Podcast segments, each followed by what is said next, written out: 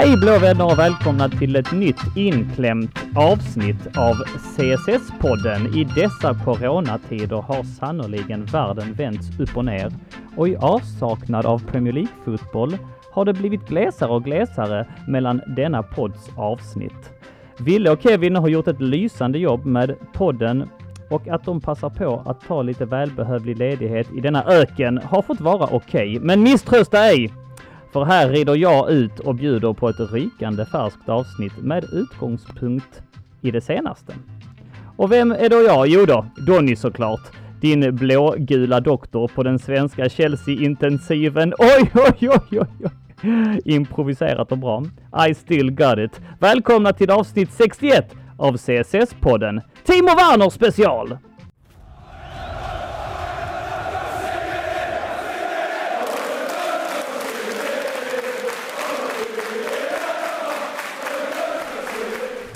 Innan vi sätter pilen i darttavlans mitt så låt mig ge er en liten lägesrapportering. Premier League, som de flesta andra ligor, har varit på håll sedan i mitten av mars och med stigande dödstal och en inlagd premiärminister så såg det ett tag riktigt mörkt ut att få till en lösning på rådande säsong. Eh, diskussionerna har gått varma. Ska man ta upp ligan igen? Ska man inte ta upp ligan? Ska man övergöra den på poängbasis eller voida den helt? Ska man inte flytta ner någon eller kanske flytta upp två, tre lag, spela på tomma läktare, neutrala planer eller spela klart ligan på Nya Zeeland? Ja, som ni hör, alternativen och de kreativa lösningarna har avlöst varandra. I Holland och Frankrike valde man att avbryta sina ligor, men när tyskarna sedan visade vägen så kunde inte den långtgående rivalen på de brittiska öarna vara sämre. Project Restart blev en term som vi fick bekanta oss med. Och från att inte ha rört en boll på två månader fick spelarna återgå i träning, en och en förvisso. Och detta skedde för några veckor sedan. Det såg jäkligt dumt ut när man tittade på bilderna. Ni har säkert sett dem. Tillbaka i full kontaktträning återfann de sig sedan den 28 maj och så röstades det sedermera igenom att man nu skulle ta tjuren vid hornen på riktigt. Inte nu till helgen, men nästa helg kickar alltså ligan igång på riktigt om inte något sjukt oförutsägbart inträffar. Och även om det var en liten, liten, liten del av mig som hoppades på att detta coronavirus på något sätt skulle kunna ställa till det för Liverpool, så kan jag inget annat än att glädjas och se fram emot att min stora kärlek är tillbaka igen. Under hela denna tid väl i alla fall den sista närtiden, har det spelats fotboll i Tyskland och inte nog med det, så är den största Chelsea-relaterade nyheten den sista tiden Tysklands förankrad. Så vem är inte bättre att bjuda in till detta avsnitt för att gagga med mig, om inte den stigande stjärnan på den svenska journalisthimlen, poddaren, bloggaren, Tysklandsexperten som håller på att bli folklig där han sitter och myser i morgonsoffan på TV4. Fotbollskanalen och Klacken.snus egna Kevin Bader! Hjärtligt välkommen! Ja, tusen tack för de snälla och varma orden. Fantastiskt att få vara tillbaka. Ja, jag slog på den stora trumman efter det där långa introt så tänkte jag att det fick ju någonstans kulminera i presentationen av dig. Och eh, det stämmer ju, jäklar vad du är i ropet på sista tiden. Hur, hur har liksom corona eh, präglat Kevin Baders liv den sista tiden? Jäkligt mycket minst sagt. Ehm, jag kan ju dock inte säga att jag eh, ska klaga på något sätt. Jag har haft det bra, jag har kunnat vara hemma och jobbat härifrån mm. Eh, och sedan Bundesligas återstart och de planerade planerna inför återstarten har det varit väldigt intensivt med att rapportera kring den tyska fotbollen och det har jag gjort med stor glädje minst sagt. Ja visst, nej jag följer dig och du twittrar och du eh, kör headlines och det är sannoliken många järn i elden. Eh, men som vi var inne på, alltså fotboll har ju varit igång i Tyskland nu. Har du koll på, det är klart du har, hur många omgångar är det som har spelats? Det har spelats nu fem omgångar mm. sedan den 16 maj när man trummade igång det hela och ja, det är en annan sorts fotboll men jag är tacksam för den. Ja det är klart, det är klart. Hur, eh, hur har det tagits emot eh, själva de här, eh, vad är intrycken av de första omgångarna om man säger så? Självklart var den första omgången var det mycket reaktioner kring då de tomma läktarna, så som mm. det är. Mm. Att det var lite konstig stämning helt enkelt, men i alla fall jag tycker ju att jag, jag börjar vänja mig vid den här situationen. Med det sagt, självklart vill jag inte att det ska vara så här i framtiden, men jag har bottnat i att så här måste det vara just nu för att vi ska kunna se fotboll. Mm. Och eh, om det är klart att det är helt omöjligt att säga i, men jag hörde en fågel viska om att man siktar alltså på att spela med folk på läktaren redan till hösten. Kan det vara möjligt? Ja, det är nämligen så att DFL, det tyska ligaförbundet, har skickat meddelande till samtliga proffsklubbar om att man ser över möjligheten att försöka få in publik till kommande säsong. Och då självklart en reducerad publik. Vi får fortfarande se hur det ska ske, men de har i alla fall ja, planerat nu att kika närmare på det så kallade Restart 2.0. Mm. Nu har man ju redan fått igång fotbollen. Nu vill man försöka få in de som betyder nästan mest för fotbollen, nämligen fansen. Är det någonting från de här omgångarna som eh, man eh, höjer på ögonen kring? Jag tänker på exempelvis hur det nu är om vi pratar i de termerna fotboll med fans kontra fotboll utan fans. Och visst, det här var väl en ledande fråga. Jag följer inte Bundesliga på något sätt, men till och med jag har ju läst mig till att man är lite förvånad över att eh, hemmafördelen tycks vara som bortblåst. Mm. Oh ja, det är en väldigt tydlig trend. Eh, som sagt, det är lite underlag än så länge. Men det är i alla fall tydligt att hemmafördelen har typ försvunnit. Det var ett tag nere på 20 procent mm. på att eh, hemmalaget vann. Men annars, ja, annars tycker jag inte det har varit så stora förändringar. Jag tycker det kanske varit lite mer kring det här med att klaga på domaren, mm. spelare faller ner och överdriver i vissa situationer. De, de situationerna existerar inte på samma sätt och det är, man, det är man ju lite tacksam för. Och jag kan tänka mig att publiken har ju en form av inverkan när en spelare faller ner. Då vill den ju göra det ännu tydligare så att mm. fansen buar och så. Men det är då det positiva om man ska se på den vinkeln det bästa av en eh, dålig lösning, kan man säga så på något sätt? Va? Alltså vi vill väl ändå ha fotboll med publik, vi vill ha allting runt omkring med pubbar innan, mm. öl, ramsor och så vidare. Men kan man inte få det så får väl detta någonstans vara okej okay tills vidare. Det kan ju jag också tycka. Rent resultatmässigt så ser det ut som att Bayern springer iväg med det dock, eller? Ja, Bayern München med Hansi Flick som tränare just nu har gjort det suveränt. De mötte ju Dortmund för mm. en vecka sedan, vann med 1-0 efter ett riktigt konstmål av Joshua Kimmich och mm. ja, det alla lag, till och med Dortmunds tränare Favre har gått ut och sagt att de har vunnit ligan. Mm. Och samtliga parter är medvetna om det. Men det är fortfarande en enorm spänning i CL-kampen där bland annat Gladbach och Leipzig slåss med Leverkusen och sen har vi en bottenkamp med flera svensklag inblandade, bland annat Mainz, Werder Bremen och Union Berlin. Mm. Häftigt. Och eh, det är en hel del omgångar kvar där, men med det tänker jag att vi lämnar just den biten av eh, detta snack och siktar in oss på Timo Werner. För att eh, det är ju en nyhetsbomb som small i hela fotbollsvärlden, både i Tyskland och i England i slutet på förra veckan. Eh, det basunerades ut både av Matt Law, han tweetade BBC, Sky Sports. BBC brukar vara en sån. Står det på BBC så brukar det liksom falla in. 50 Precis. miljoner pund någonstans har man mött från Chelseas mm. håll Alltså inte från Liverpools. Det var så roligt för att man kunde se tidigare om man slog på honom på Youtube massa såhär Welcome to Liverpool Timo Werner. och jag, jag, vill ju ha kvar dem så jag skulle liksom kunna titta på men eh, eh, de har li lite såhär försvunnit ut i periferin. Men Chelsea ska alltså ha möts, mött hans eh, utklubbs, eh, utköpsklausul. Mm. Uh, och när vi bestämde att vi skulle spela in detta i förra veckan så hoppades vi på att affären skulle vara klar idag. Men det har inte kommit någonting från officiellt håll. Uh, hur, uh, hur tar du pulsen på den affären? Är, det, är, är vi hemma här liksom eller vad, vad är din bedömning? Jag, jag, har ju sagt tidigare att han är klar för Liverpool, men mm. det var ju självklart mm. innan coronakrisen och alltihopa och man mm. har ju märkt också på hela marknaden som de mm. flesta är nog medvetna om att det har svalnat en hel del på många mm. fronter. Eh, man har hört att Real Madrid till exempel, de måste dra ner på det hela. Barcelona måste dra ner på det hela. Och sen har ju Liverpool också gått ut nu, eller rättare sagt eh, det har skrivits om det att de måste också spara på en hel del.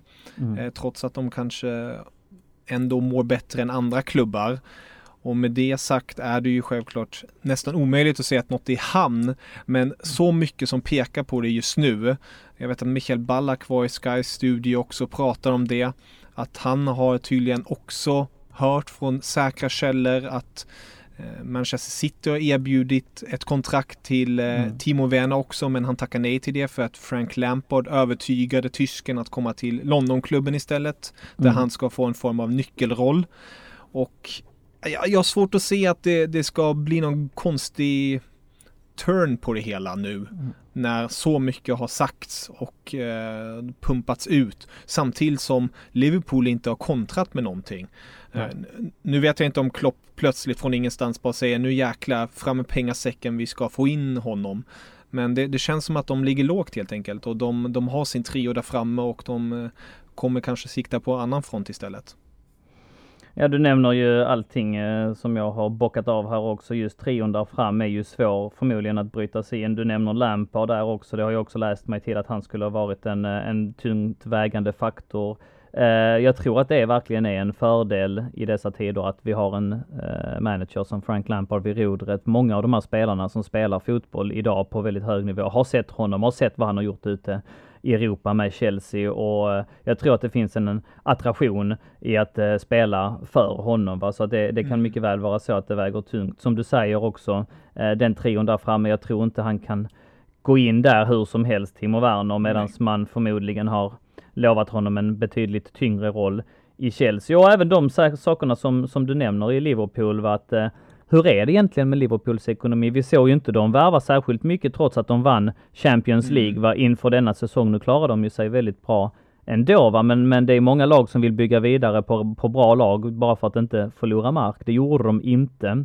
De har väl ett ganska långt gående arenaplansbygge som eh, kostat mm. väldigt mycket pengar där de vill fräscha upp Anfield. Eh, de var ju väldigt tidigt ute med, ute med att permittera sin personal. Bara det visar ju, nu, nu, blev det ju inte så, de fick ju backa från det beslutet, men de var en av få klubbar som ändå hakade på det tåget. Eh, det har jag läst mig till i England i alla fall, att det är många som höjer en varningens finger för, för Liverpools ekonomi och kanske menar på att det har säkert en del i det hela att göra, corona på det, va? att man helt enkelt inte var i en position där man ville hosta upp de här pengarna. Mm. Vilket för mig till pengarna alltså. Om nu allting faller på plats här så rör det sig alltså om knappa 50 miljoner pund.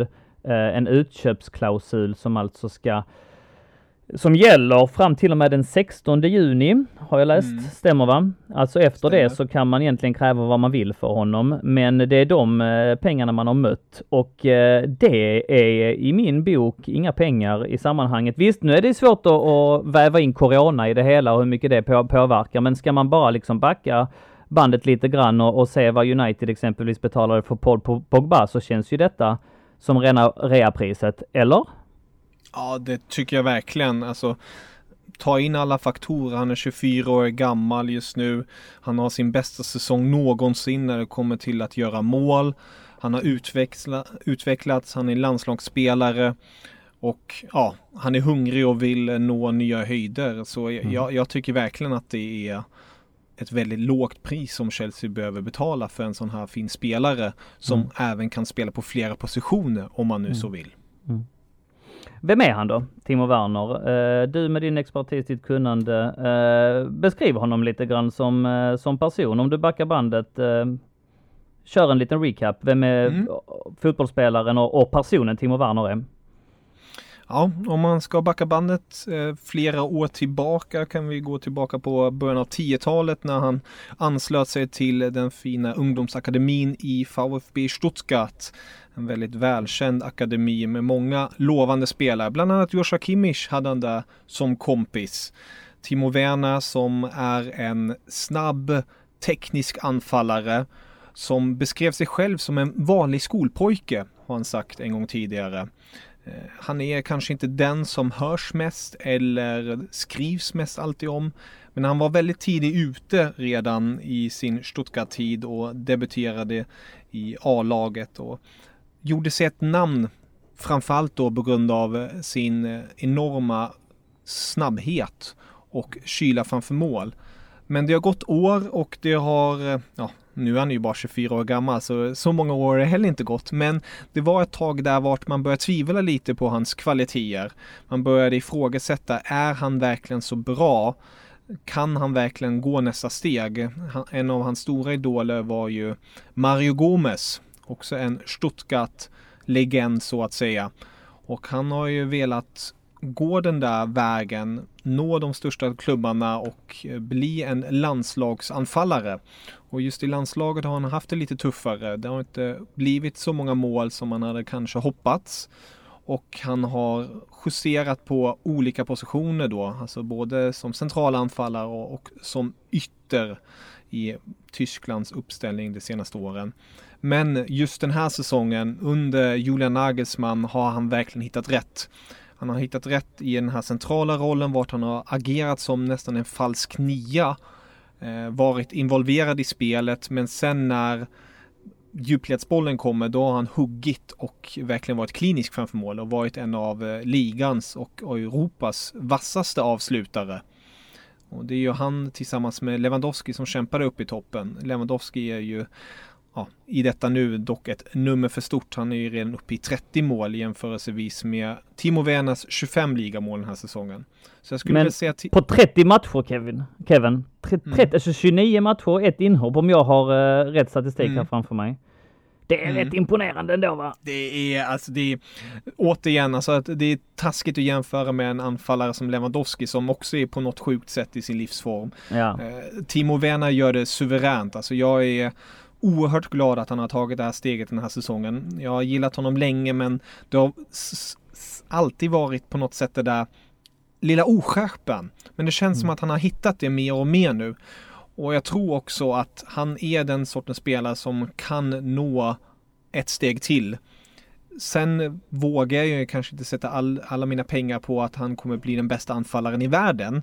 Men jag tror definitivt om han används på rätt sätt, då kommer han bli en extremt värdefull målgörare för vilket lag som helst. Mm. Och det är just det jag tror han kommer kunna göra i Chelsea om han eh, får den positionen och det självförtroendet under Frank Lampard. Uh, alltså hans, hans målstatistik är ju nästan ett mål per match, även om man skulle mm. ta bort hans straffar, vilket är ju helt eh, fantastiskt. Eh, mm. Du beskriver honom här som personlighet. Jag lyssnade också på en podd här innan idag för att lyssna in mig lite grann, där man intervjuade Christian Falk, eh, mm. Bilds Christian Falk, vet du om det är? Ja, det vet alltså, jag. Journalisten ja. Eh, och han, han drog jämförelser med Aubameyang och sa att många hade jämfört de två eh, spelarna men sa att en stor jäkla skillnad är att Timo Werner inte bryr sig om frisyrer och inte bryr mm. sig om liksom häftiga, eh, ja, Pogba-emojis. Så det är lite samma bild mm. som du beskriver, att det är mer en, en kille som eh, fokuserar på sin fotboll, låter den tala och alltså inte liksom är mycket för det här flärden kring det. Mm. Känns det som, som att det är korrekt?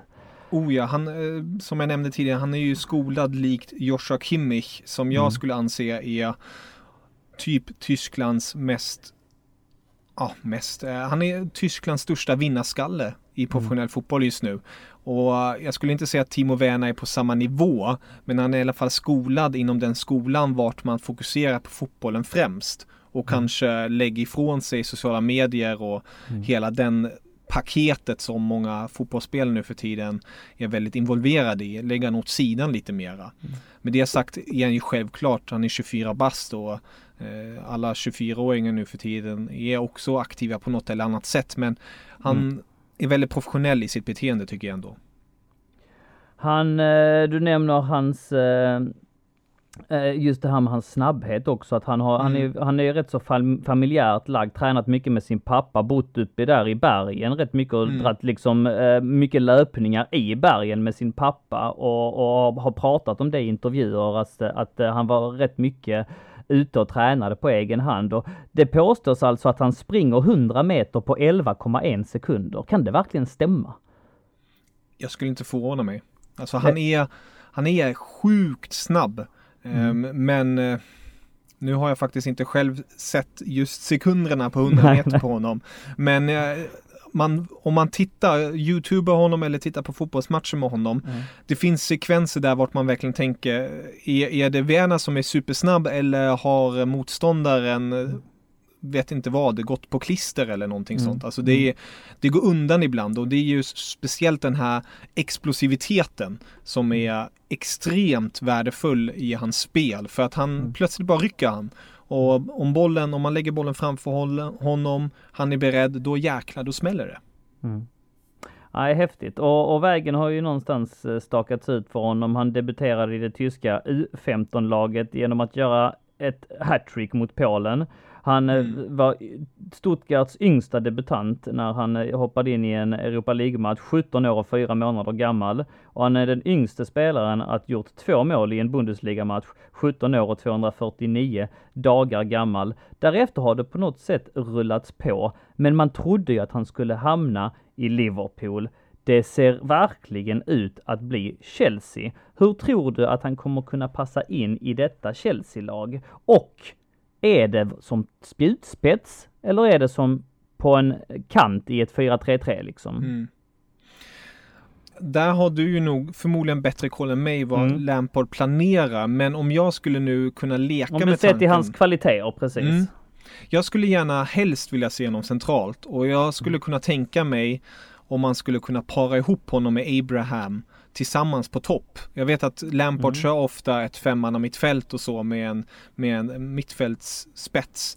Men det skulle vara jävligt kul att ha det här klassiska targetanfallaren Abraham och sen har man djupledslöparen Werner. Alltså jag tror det mm. skulle kunna fungera väldigt bra. Man skulle dock kunna få något liknande om man skulle sätta Werner på en högerkant eller rättare sagt han har utgångsposition från höger.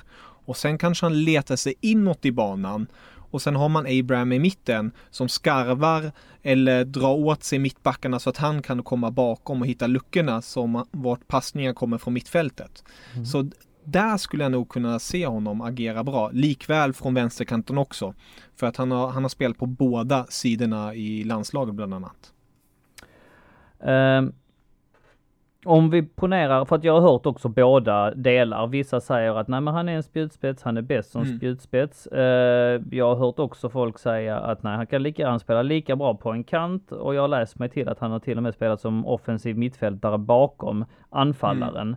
Mm. Uh, som sagt, jag, all, all min uh, fakta eller statistik eller mitt kunnande om Timo Werner har jag läst mig till eh, under den senaste veckan. Jag har inte sett eh, en, jo någon Champions League-match, men inte direkt så att jag mm. har haft honom under lupp på det sättet som, som du är. Min måttstock är dock att om man ska spela på en kant i ett 4-3-3 exempelvis, då måste mm. man bidra defensivt också. Det är exempelvis därför många tränare har eh, spelat med Pedro i Chelsea, trots att vi mm. supportrar inte riktigt fattat det. Jo, för att han löper hem och backar upp ytterbacken när ytterbacken behöver det. Han tar liksom sina löpningar hela vägen längs kanten mm. och hjälper till i defensiven, jobbar i det tysta. Eh, hur, hur, skulle du beskriva Timo Werners eh, vilja att eh, jobba bakåt och hans kapacitet att jobba bakåt?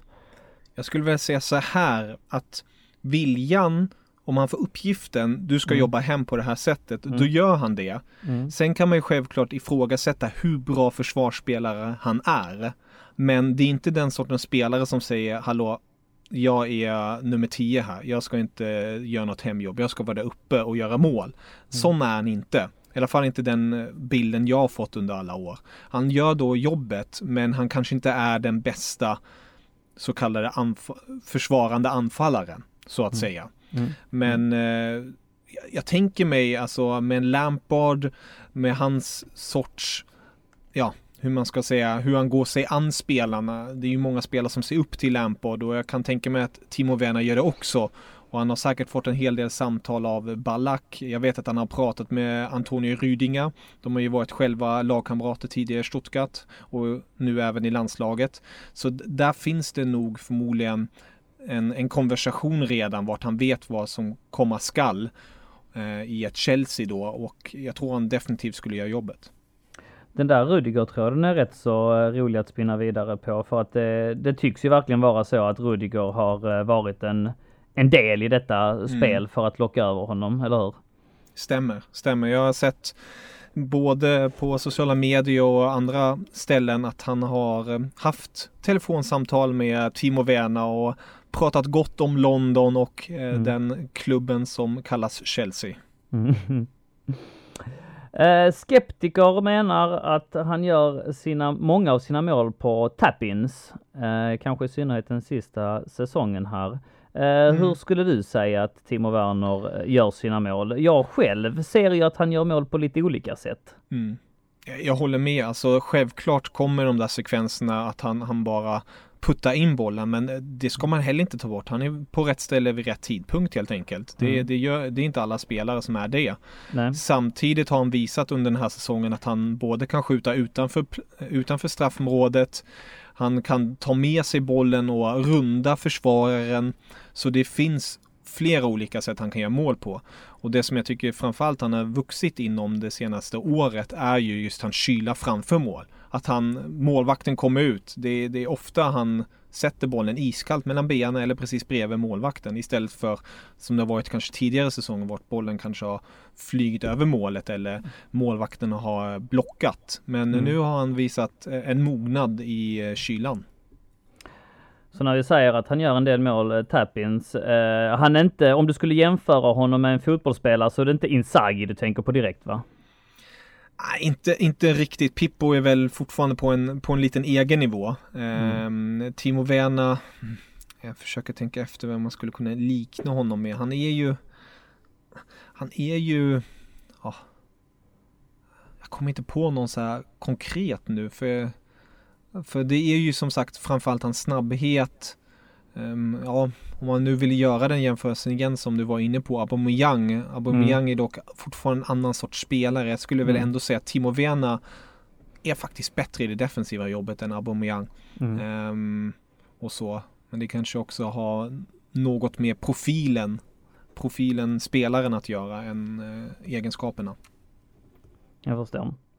Eh, men uh, som du är inne på så han, han har ju dunkat in några bollar med huvudet också. Hur är hans mm. huvudspel? Helt OK.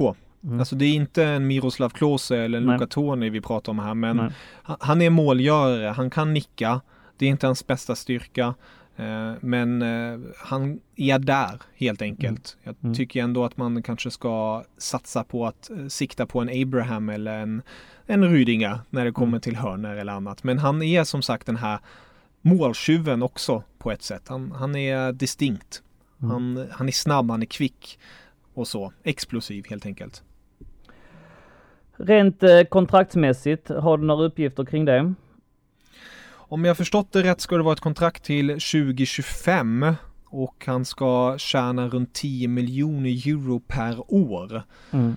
Um, nu har jag inte så bra koll på Chelseas kontrakt annars, men uh, med tanke på övergångssumman och sånt tycker jag som sagt att det är, det är ett form av kap som Chelsea gör om den här affären nu går i lås. Mm. För att få en sån spelare som är på uppgång, som är en tysk landslagsspelare och som har ett driv att vilja bli ännu bättre så ja, det, det, det är väldigt bra. Eh, uh det kan jag eh, avslöja att eh, jag har läst mig till att det i så fall skulle innebära 200 000 pund i veckan, vilket skulle göra honom till en av de högst betalda i, i Chelsea givetvis. Men eh, ja, det kan han väl eventuellt vara värd i så fall. Det är ju trots allt en eh, sjuk värld vi lever i, i ekonomiska mm. termer mätt. Men visst, vi är inne i konstiga tider just nu också, så det är lite svårt att utvärdera det där. Hur värdesätter du eh, Timo Werner, Kevin? Hur, hur bra är han idag och hur bra kan han bli? Det är det som är kanske nackdelen med honom. Um jag ser självklart fortfarande potential att han kan bli bättre. Det kan eh, alla fotbollsspelare. Men det som är, om man jämför honom till exempel med en annan tysk som är på tapeten, Kai Havertz, mm. så är han ju inte på samma nivå när jag ser på potential. Ehm, Timo Werner är en spelare som jag tror kommer bli ännu vassare framför mål med, med hjälp av erfarenhet och får den där rutinen då förstärks hans kyla ännu mera. Men samtidigt snabbheten kommer inte bli så mycket bättre. Han är ju i sin prime när det kommer rent fysiskt. Eh, självklart. En Ronaldo, han är ju lite omänsklig på det hållet. Jag vet inte om Timo Werner kan lyckas fysiskt som han. Men det är väl det som är lite nackdelen med Timo Werner att han kommer kunna leverera och han kommer väl bli bättre på de där egenskaperna framför målen. Men jag, jag ser inte honom bli världens bästa anfallare. Han kommer vara en bra anfallare. Men han, jag, jag har svårt att se att han kommer bli världens bästa bland topp tre. För att? Jag tycker ändå att det, det, det saknas någonting. Det, mm. det, det, är, han är lite för, för slät. Det låter kanske mm. lite mm. vagt sagt men det, det, det är, han, han är snabb, han är teknisk, han, han, är, ky, han är kylig framför mål men det är inte, mm, om du jag förstår fattar. vad jag menar. Det är mm, inte mm. det där, det extra extra. Mm, mm.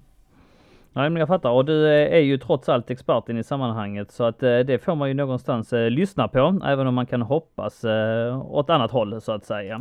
Men, men finns det, ja utveckla. Jag kan, kan dock bara understryka, alltså jag tror ju definitivt om man, om man spelas på rätt sätt som mm. man har gjort nu under Julian Nagelsmann, det är väldigt starkt bevisat, så kommer man ju leverera mål. Mm. och som vi nämnde tidigare, de här Pippo Inzaghi, det är mm. kanske inte Eh, den sexigaste, underbaraste spelaren som var så involverad i spelet. Men han gjorde det han var bäst på, han gjorde mål. Mm, och mm. det tror jag att Timo Werner också i längden kan göra om han hela tiden används på rätt sätt. Alltså i det systemet. Så mm. då kommer han ju definitivt eh, leverera gentemot vad man önskar sig. Men visst är det så att, uh, nu, nu gjorde vi uh, Pippo Inzaghi liknelsen här, men uh, av det jag har hört, läst och, och, och, sett så gör han ju, alltså han, han blir väldigt mycket hyllad för sin känsliga fot, till skillnad mm. från Filippo Inzaghi som gjorde alla sina mål i, i princip innanför målgårdslinjen liksom. Mm. det var ju bara några meter från allt som oftast. Men han, han, han gör ju väldigt ofta med att han skär in, eh, viker in och placerar den runt målvakten exempelvis. Eh, alltså, eh, eller dunkar ett skott i närmsta stolpen. Ibland så liksom kan han placera, ibland kan han skjuta högt. Det är ju också mm. färdigheter som gör honom till en lite mer komplett anfallare än just Pippo Inzaghi. Stämmer, stämmer. Finns det då något som talar för en, att han skulle gå in i Premier League och floppa? Är det, är det lite så? Ja, att du ändå höjer ett varningens finger för det? Mm. Alltså, det har ju varit snack om det förut. Jag tror just den fasen har han kanske vuxit ifrån förhoppningsvis då. Det var ju det här med både oljud, att han, han, det var ett tryck en gång i en match vart han tycker att det var, det var för mycket, mm. han kunde inte klara av det rent psykiskt.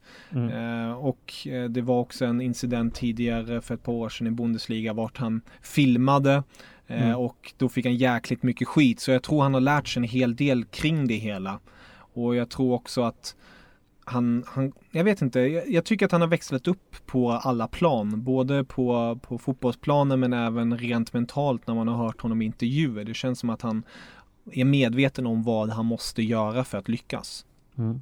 Just det där med, med ljudet, den får du gärna utveckla för att den, den har jag också sett eh, svischa förbi här eh, i flödet när man söker efter honom och gör sin research att det har varit en incident där han alltså markerade hörkåpor eller vad var det han gjorde? Att han, eh, han tyckte det blev liksom det blev ja. för mycket i en match och eh, då byttes han faktiskt ut i den matchen och det, det, var, var snack kring att han, han mådde allmänt dåligt och var sjuk och sånt men det var också samtidigt åt andra hållet att han kanske inte kunde ja, klara av trycket helt enkelt.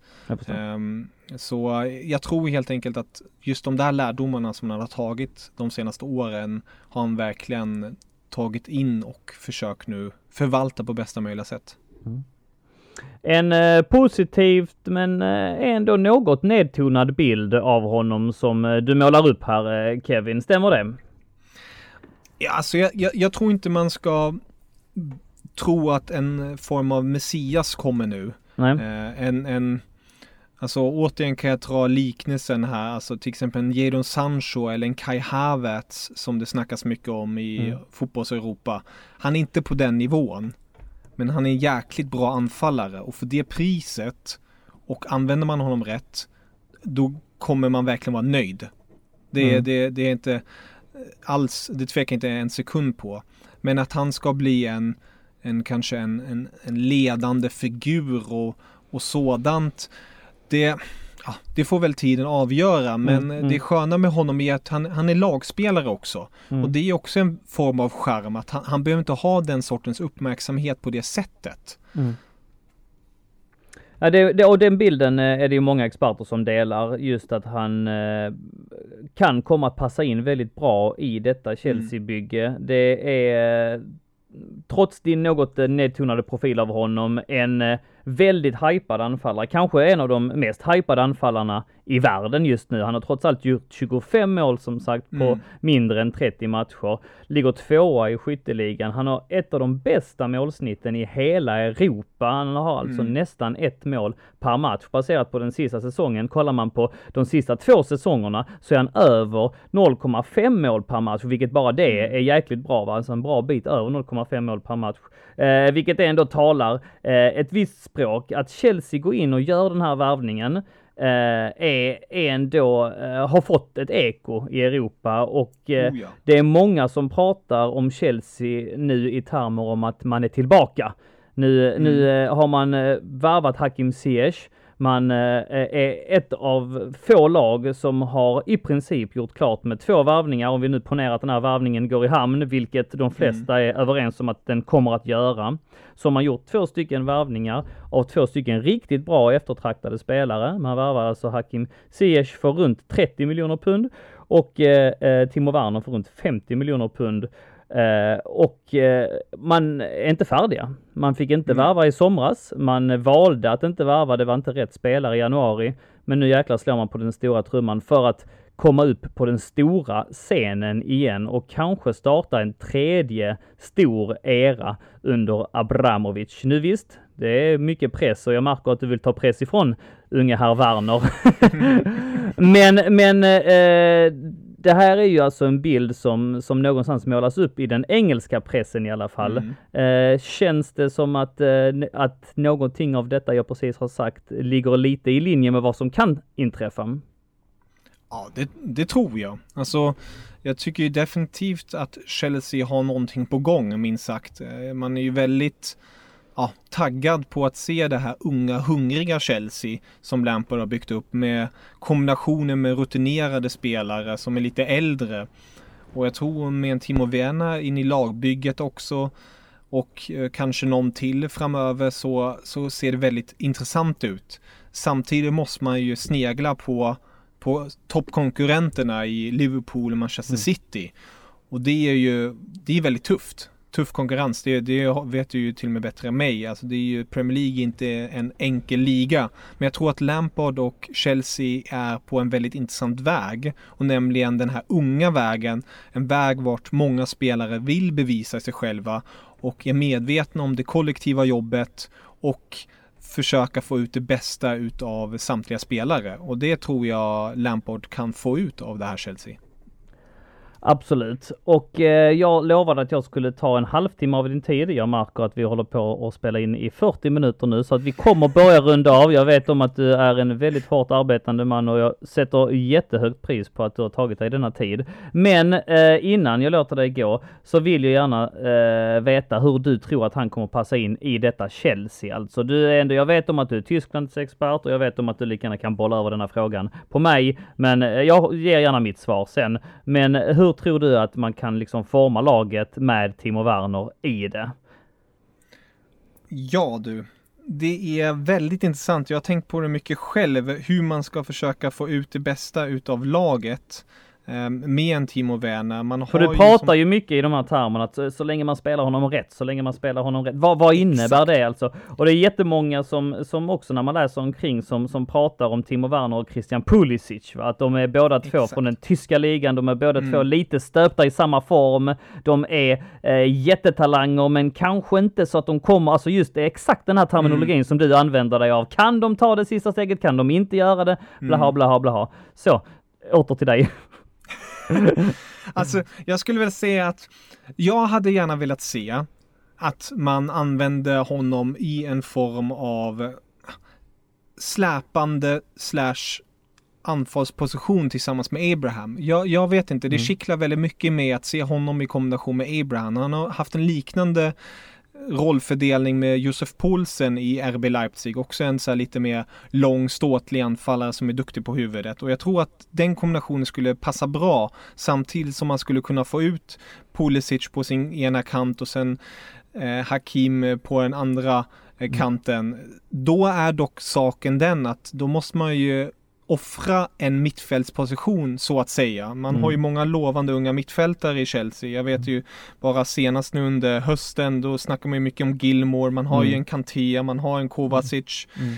man har en Barkley. Så det är väl där jag ser en form av problematik, eller problematik behöver det inte vara, men ja, det, det blir ett lyxproblem helt enkelt och det är kanske också det man behöver göra för att ta nästa steg. Man måste ha en bred spetsig trupp. Men mm. jag skulle helst vilja se honom tillsammans med Abraham först och mm. främst. I ett 4-4-2 alltså? Ja, i ett form av 4-4-2. Sen kan eh, Timo Werner eller Abraham falla ner och de agerar lite så. Eh, men eh, framförallt att han har en, en anfallspartner där som drar med sig försvarare. Jag tror det skulle mm. både gynna honom och laget. Mm. Och om jag skulle då leka med tanken så ser jag gärna honom i en 4-3-3 som man då, eh, min känsla är att Lampard vill spela det spelsystemet mm. mest och att det spelsystemet sitter eh, bäst när Chelsea har spelat det. Och i så fall så skulle man då kunna ha kvar Abraham längst fram eh, eller Giroud eller Batshuayi ha Timo Werner på högerkanten och Christian Pulisic på vänsterkanten exempelvis. Som du är inne mm. på så har vi ju flera andra spelare där som vi inte ens nämner i sammanhanget. Ruben Loftus-Cheek, Callum Hudson-Odoi, Mason Mount som ändå stått för en väldigt bra säsong va. Så att eh, mm. eh, det är ju bra någonstans att kunna ha den här konkurrensen om platserna också. Men eh, ja, alternativen finns där. Kevin, vad säger kristallkulan? När, när blir han klar? Jag skulle väl ändå säga att det borde vara den här veckan. Alltså mm. det är det är så starka uppgifter som kom förra veckan och eh, med tanke på den här utköpsklausulen som sägs då fallera efter den 16 juni så det, det måste ske nu helt mm. enkelt. Um, mm.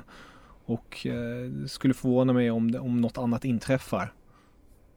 Kan man också säga att eh, detta har effektivt satt stopp på Chelseas eventuella jakt eh, på Jadon Sancho? Ja. Garanterat? Det tror jag. Mm. Det är garanterat. Jag, jag har svårt att se, jag vet inte, Abrahamovic kanske gömmer en hel del cash i någon låda någonstans. Det gör han säkert, men jag har svårt att se när man har värvat de spelare man har redan gjort och sen har man den trupp man har. Det, det skulle vara extremt överflödigt att ta in en Jadon Sancho också, för då man har mycket talang. Jadon Sancho är självklart en extremt stor talang eh, i sig, men tar man in Timo Werner då, då stänger man den dörren och det mm. har ju också många medier varit inne på att då, då öppnas dörren för ett, en, en Jadon Sancho flytt till Manchester United kanske, mera. Men eh, de sista rapporterna där gör ju gällande att eh, det värdet håller ju på att sjunka som en sten. Alltså han närmar sig kontraktslut. Han har väl mer eller mindre mm. deklarerat att han inte vill skriva på en förlängning. Mm. Eh, United uppgavs ju buda i, i slängar på 140 miljoner pund så mm. sent som i, om det var januari eller i somras. Eh, men alltså sen har Dortmund sagt att nej okej okay, det, det, var, det var för lite men att man har sänkt prislappen och, och nu mm. uppges man inte vara beredd att ge mer än 70. Så att mm. den affären kan de ha klantat till riktigt ordentligt Dortmund. Oh ja, det kan man definitivt. Alltså de skulle ha kunnat få fått mycket cash men samtidigt så som jag hör Dortmund tala är de ju också nöjda över att de kan ha kvar honom. De är mm. inte i den ekonomiska sitsen just nu vart de behöver bli av med honom. Mm. Eh, mm. som tur är. Så han tillför fortfarande en hel del. Han är ju en av ligans och, och Europas hetaste spelare. Mm, mm. Visst är det så. Eh, till slut, flipp eller flopp, Timo Werner i Chelsea? Vad sa du, trip eller flop? Flipp eller flopp? Blir det bra eller blir det dåligt? Jag tror det blir bra. Jag tror på tysken. Ja, vad bra. Med de orden så eh, spelade vi in i 45 minuter Kevin och Kevin och jag är jätte jättetacksam att du tog dig tid. Jag eh, ska runda av lite grann här också. Det blir ett lite kortare avsnitt. Vi brukar sikta på en timme, men när det är så här finfrämmat i rummet så får man anpassa sig lite grann också.